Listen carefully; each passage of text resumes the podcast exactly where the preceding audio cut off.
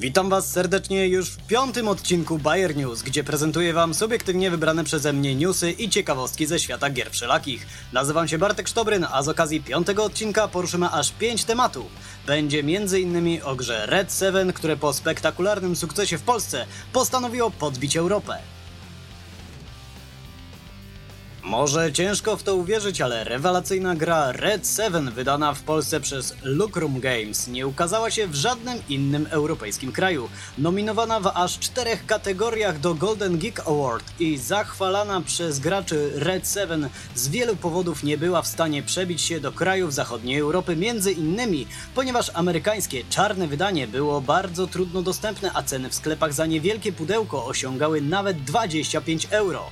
To jednak ma się zmienić, a wszystko za sprawą prima aprilisowego żartu polskiego wydawnictwa, czyli Lucrum Games, które 1 kwietnia wrzuciło grafikę z Europą zalaną czerwonym kolorem oraz informacją, że wydawnictwo będzie dystrybuowało grę w wielu językach na cały kontynent. Żart zmienił się w małą aferkę, aferka w pomysł i teraz mamy oficjalne potwierdzone informacje, że Lucrum Games zostało europejskim dystrybutorem gry. Nie pozostaje nic innego jak życzyć rodzimemu wydawnictwu powodzenia na rynkach jeszcze Zjednoczonej Europy.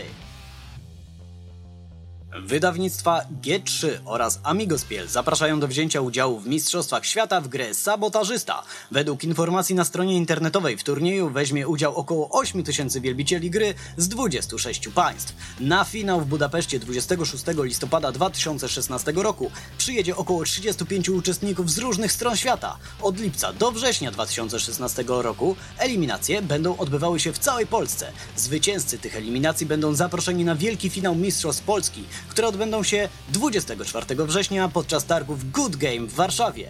Tam odbędą się rozgrywki finałowe o nagrodę główną iPada R2 oraz wyjazd na Mistrzostwa Świata do Budapesztu.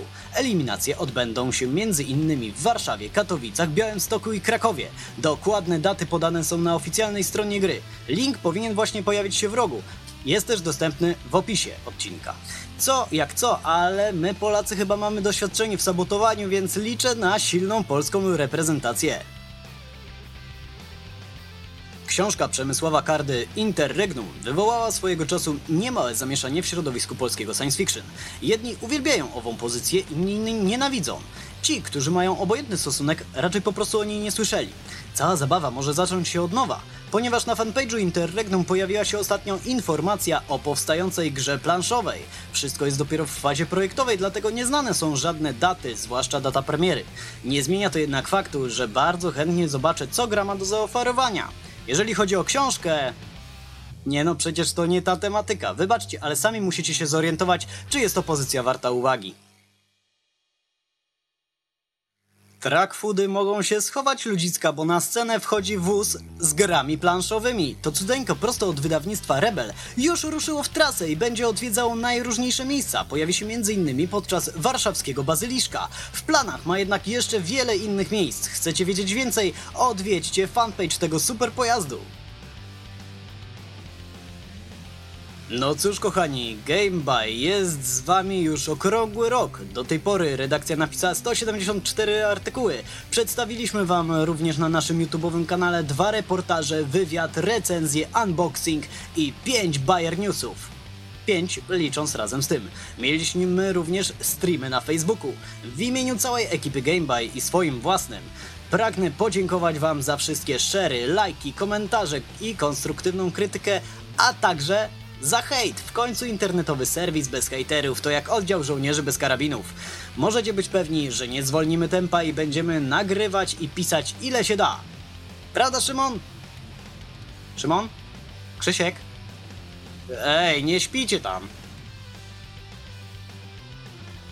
Jeżeli podobał Wam się ten odcinek, to proszę zalajkujcie lub skomentujcie, a jeżeli chcecie być na bieżąco z newsami ze świata gier, zapraszam do subskrypcji. To by było na tyle, wracamy do porządku czwartkowego, czyli do usłyszenia w czwartek o 18. Dla GameBuy nabijał Bartek Sztobryn. Cześć!